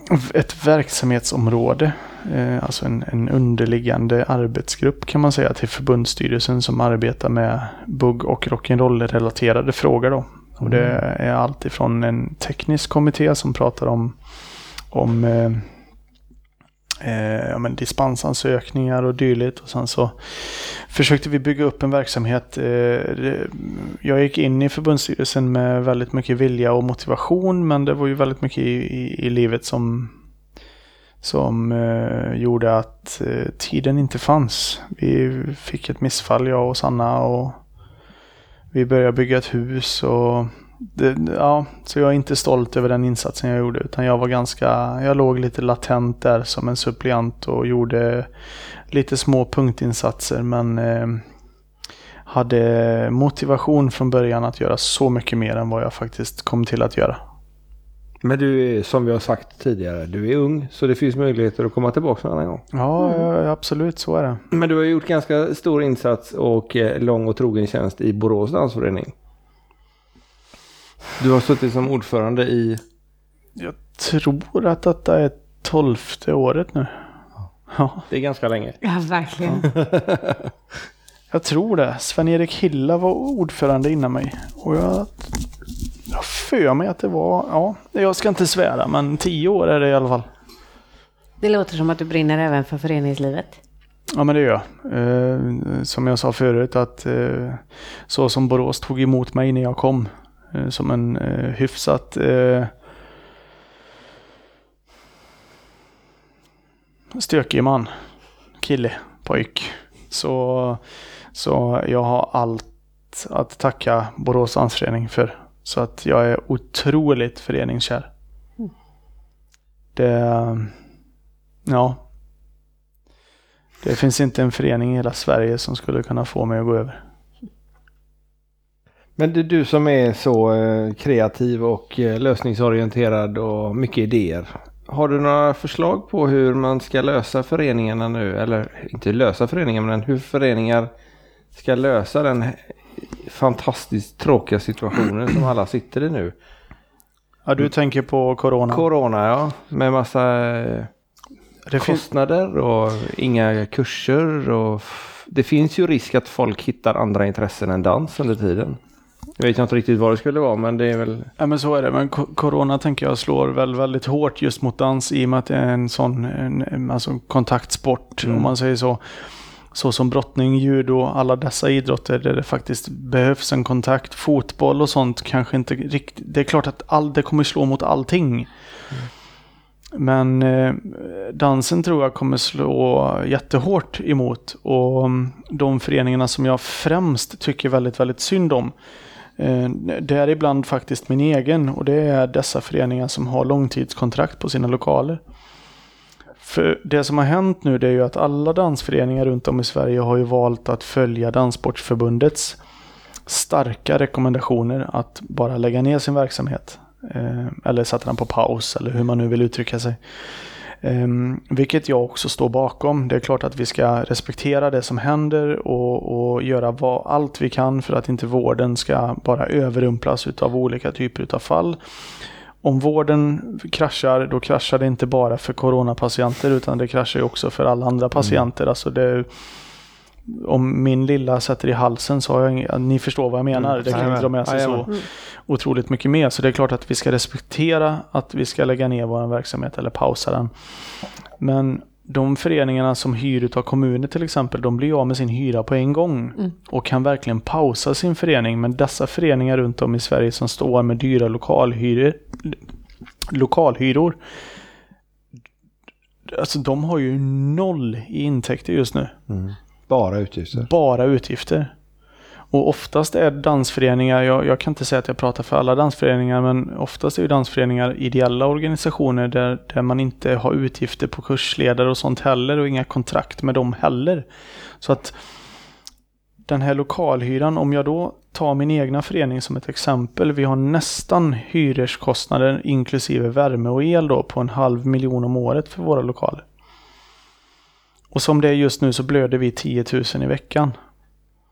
Det krävs inte många veckor och då är det så att Riksidrottsförbundets eh, riktlinjer på hur en ideell organisation, alltså en förening i idrottsvärlden ska fungera, det är att pengarna ska gå tillbaka till medlemmarna. Gör man positiva resultat så ska pengarna på ett eller annat sätt gå tillbaka. Och så har vi valt att göra. Så gör vi resultat som är ett positivt resultat på året, då väljer vi att kanske sponsra med en SM-buss till dansarna som tävlar. Och vi tar ett beslut att fiket är gratis ytterligare ett år för de som socialdansar. Så vill de ha en kaffe eller en bulle. Och det låter inte så dyrt med en kaffe och en bulle. Men en kaffe och bulle på alla kurser som vi har i vår förening, det är inte bara en kaffe och en bulle. Mm. Så att vi har ju verkligen gjort så. Vi har ju tagit våra pengar och återinvesterat in i våran förening på ett eller annat sätt. Ge tillbaka till våra medlemmar. Så för oss så ligger ju vi riktigt taskigt till nu. Ni har ingen buffert att tala om? Nej, vi har ingen buffert. Ja. För det är ju så riktlinjerna säger. Mm. Vi ska inte ha en buffert. Vi får lov att ha en buffert. Och den bufferten ska vara att vi klarar oss i nio månader. Det får vi ha. Men vi har valt att inte göra det, utan vi har valt att Sen är det så att vi har inte alltid gjort positiva resultat. Det är de, för, det är de sista åren här nu som vi har gjort bra resultat. Men vi har ju skickat ut de pengarna igen. Och då får man ju hitta andra idéer. Och, och, det jag är rädd för, det jag är extremt rädd för, det är att dansföreningarna runt om i Sverige, alla dessa ideella eldsjälar som sitter ner nu och börjar tappa hoppet. De som börjar tappa motivationen att dra igång den här dansföreningen igen. Det är de jag är rädd för att vi ska tappa eldsjälarna som faktiskt håller föreningen uppe. Jag är rädd att covid-19 är någonting som faktiskt kan ta död på många dansföreningar och det hoppas jag inte händer. Jag tror tyvärr att så är fallet, för det finns många, jag pratar med många runt om i landet, det finns många som tappar mer och mer motivation för varje dag och det skrämmer mig för att innan covid-19 kom så tappade vi dansare nu har vi en, en, en, en ganska stor svårighet att slåss emot när det kommer till att komma tillbaka från detta. Så som vi har diskuterat i vår förening det är att om vi, om vi bara, som en spekulation nu, i augusti månad så går eh, regeringen ut och säger att vi har klarat det här, tumme upp, kör på som vanligt. Detta är bara en spekulation. Mm. Men vi säger att den spekulationen blir verklighet. Okej, okay, säger vi. Nu kör vi på. Vi lanserar våra danskurser ut på Facebook och Instagram och allt vad det är. Vi står där i kurslokalen och tänker att nu äntligen och så står vi och väntar och väntar och väntar och så tittar vi. Jag tror inte att 50% av de som ursprungligen hade kommit i ett etablerat, en, en etablerad verksamhet. Jag tror att 50% av dem kommer komma efter regeringen säger att nu är detta bortblåst. Jag tror att 50% kommer fortfarande vara rädda för att det fortfarande existerar mm. runt om i samhället. Så jag tror inte att det är över bara för att regeringen säger att nu är det över. Utan jag tror att det kommer vara väldigt eftersläpande konsekvenser. Speciellt för dansen. Vi får väl hoppas att du har fel, tänker jag. Att det istället är så att folk har ett väldigt uppdämt behov av att få göra de här sakerna. Gå på kurs, umgås, ta i varandra, gå på danskurs. Ja, jag, jag kan säga att jag vill inte sitta och vara, jag pratar i ett syfte av att vara ordförande i Borås dansförening och prata om våran framtid och våran mm. säkerhet. Jag vill inte vara en pessimist. Vi har bara pratat om vad som kan tänkas mm. hända. Och jag hoppas innerligt, innerligt att jag har fel. Mm.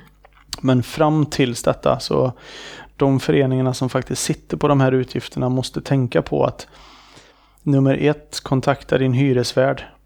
Prata om just den här möjligheten som finns med att få reducerad hyra med 25% för att om hyresvärden sänker 25% så sänker staten 25%.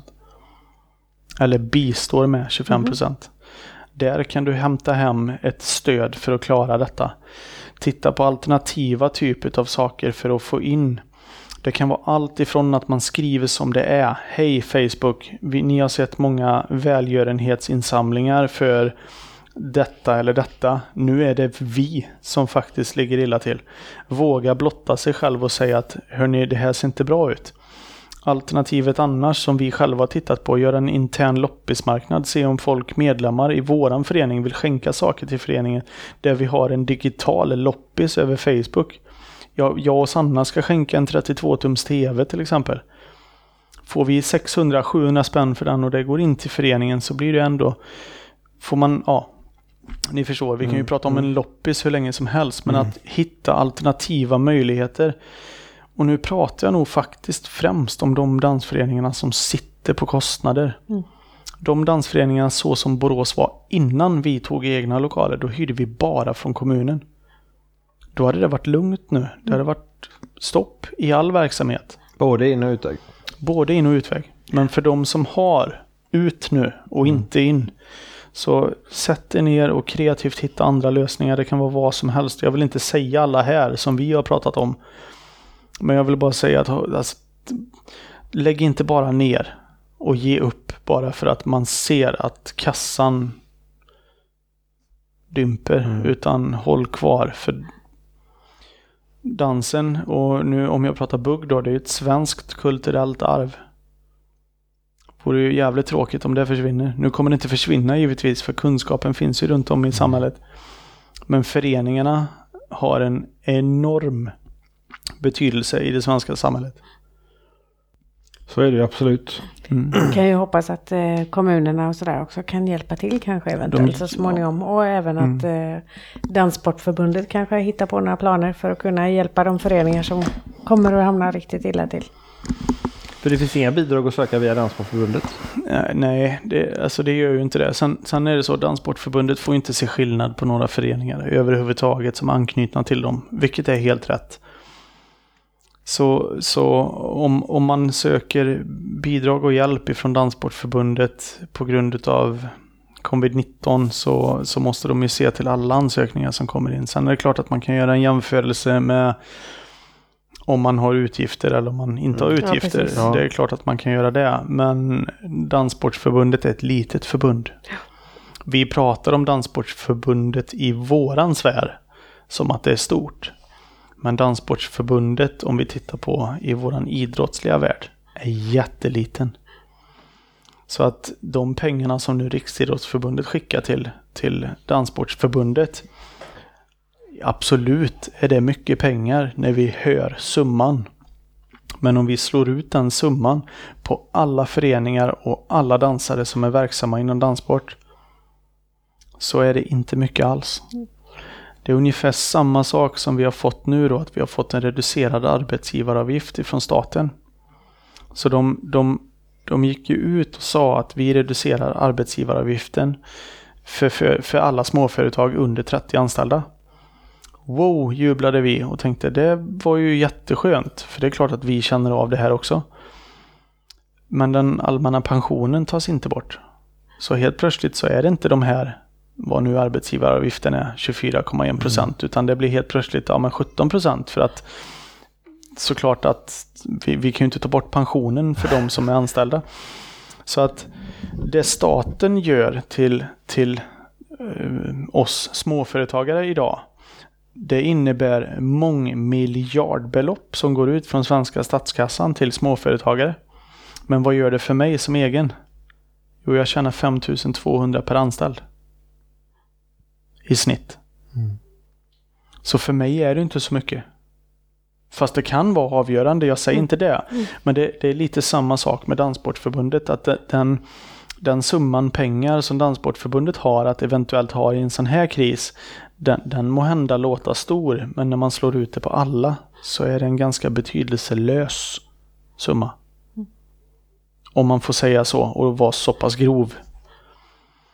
Så därför känner jag, och det, och det är ett jättefint, det var, jag skrev ett Facebook-inlägg för ett tag sedan, jag trodde aldrig jag skulle skriva det, men jag skrev att jag har fått en helt ny syn på en röd regering för att jag är blå.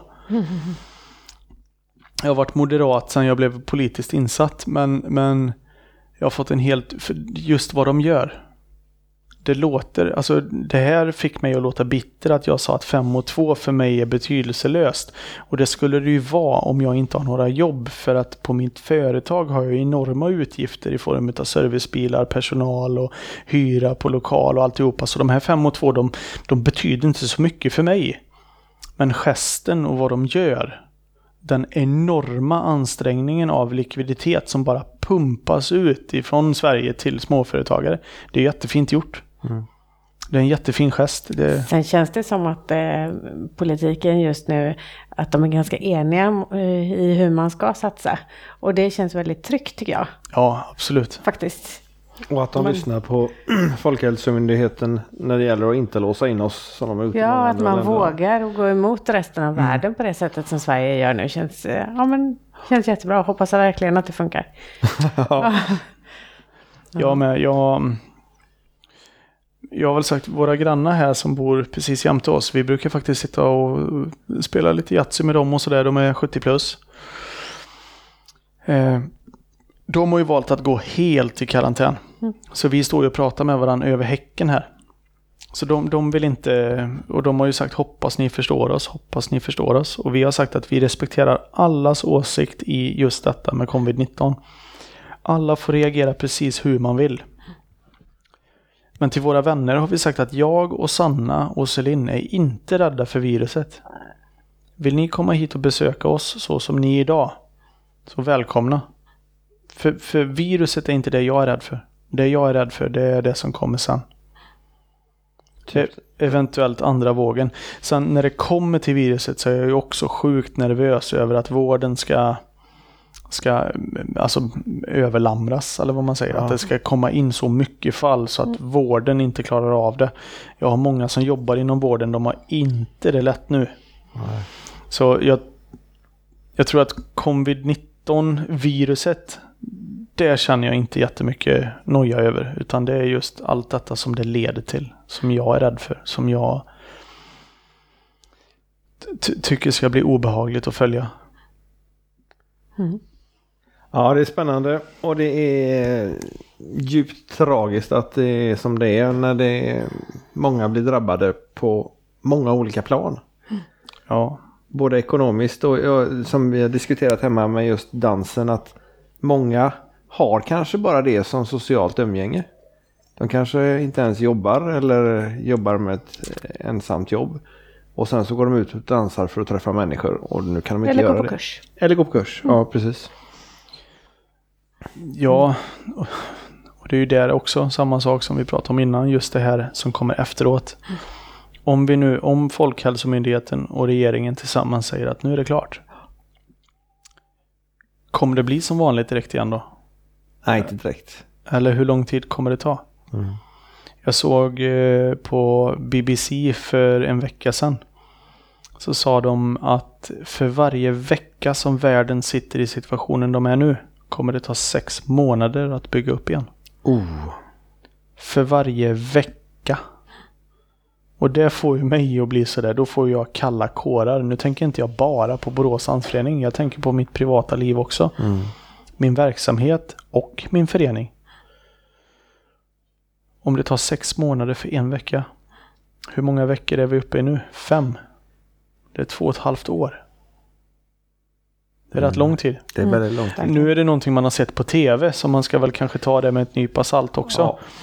Men jag menar, Det är ju inte som att man hade hört i en podd. Nej. Du tänker så ja. ja, det här är ju bara fakta. Kalla fakta. Kalla fakta. Nej, det blev lite specialavsnitt här. Ja. Lite covid-19, lite corona, lite dans, lite... Ja, det är rätt mycket av både och tycker jag. Ja, det är det. Och det är ju precis det vi tänker på i dessa dagar. Ja. Vi ställer ju som sagt var till ja. det i våran podd också. Vi vet ju inte hur många avsnitt vi kan få ut eftersom vi inte Nej, får vi åka har ut. två och- till inplanerade, sen får vi se vad som händer. Ja. Men eh, vi, liksom eh, ni, jobbar på. Och eh, Sanna jobbar nog för fullt just nu för att få, för att, för att få sövt Celine.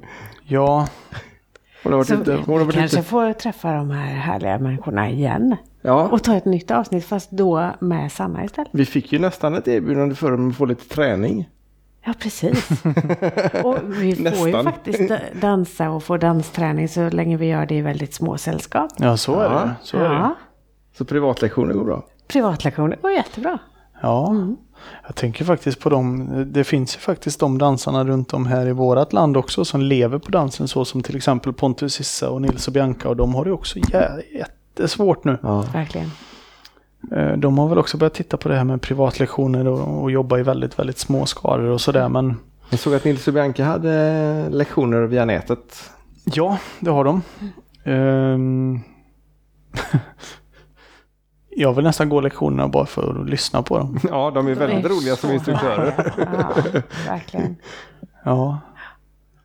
Ja, det är Ja, två, det finns ju ett avsnitt med dem också om det är så att ni har missat Precis, det. precis. Och sen kommer vi att länka till lite olika klipp som vi har fått se här idag Ja, på dig. Nej, det tycker jag inte. du tycker inte det? Nej. Ser ut som en valross. Ja, men jag, även ett dansklipp hittar du där. Hur det såg ut förr. Hur det såg ut för... Men du, har du sett klippen som är från typ 91 på YouTube? Ska jag visa här nu efter tycker jag podden. inte vi ska bli taskiga för det var ungefär då jag höll på. Jag tyckte det, det är ju bra då. Det var lite roligare kläder också. Annorlunda kläder Ja, alltså, ja, Mindre svarta byxor. Eller fär- färre svarta byxor och mer kjol. Ja, och gärna mycket färg. Ja, precis. Ja. Jag och Annika har sagt det att vi ska göra en, en tävling där vi ska hedra 90-talet. Där vi Åh! ska gå ut och ha på oss kläder från 90-talet och så bara göra massa Ja, du har dina- 90-talsturer. Jag har kvar min, eh, sen jag tävlade dubbelbugg i mitten på 90-talet. Får jag låna den? Ja, det får du göra. Om... Luktar den gott? Ja, den är inget, fel- inget fel på. Nej. Så. Den, den är fräsch. Den hänger i garderoben. Ska vi bara hitta något matchande till? Ja, Till den, Annika, den är gul och lila så jag hoppas att, eh, att tävlingen går i Karlstad. Gul och lila? Nej. Ja, Löfbergs lila då. Ja, nej. Ja, vi kan- 90-talet var roligt. Men eh, vi kollar gärna på de klippen. Det gör vi. Ja, ja, ja, ja. Du såg ju när vi tog, ut, tog upp YouTube här förut. Ja, hela tvn är full med danssökningar. Allt var ju på B åtminstone. Bugg, bugg, bugg, Babblarna, Babblarna, bugg. Ja. Ja, Nej, men vi knyter väl ihop säcken och så hoppas vi på att Sanna kommer ut till oss så småningom i alla fall innan vi åker. Ja, så det får gör vi prata mer med henne en annan gång. Precis. Det har varit jättetrevligt att sitta ner med dig Daniel. absolut. Och eh, vi hoppas på att vi hittar på lite lösningar individuellt för föreningarna så att de kan få Ja, det hoppas jag. hå- hålla ut och att de orkar hålla ut. Ja, framförallt att de som faktiskt sitter där bakom och styr rodret och, och puttar skutan framåt inte ger upp utan håller ut så länge det går. Ja. För föreningarna behövs. Absolut. Vi låter det bli slutord. Det gör vi. Tack för att du ville vara med i Danspassion Daniel. Tack. Och tack för att ni har lyssnat på dagens avsnitt. Ha det gott och eh, ja, vi hörs i etern. Hej då! Hej då!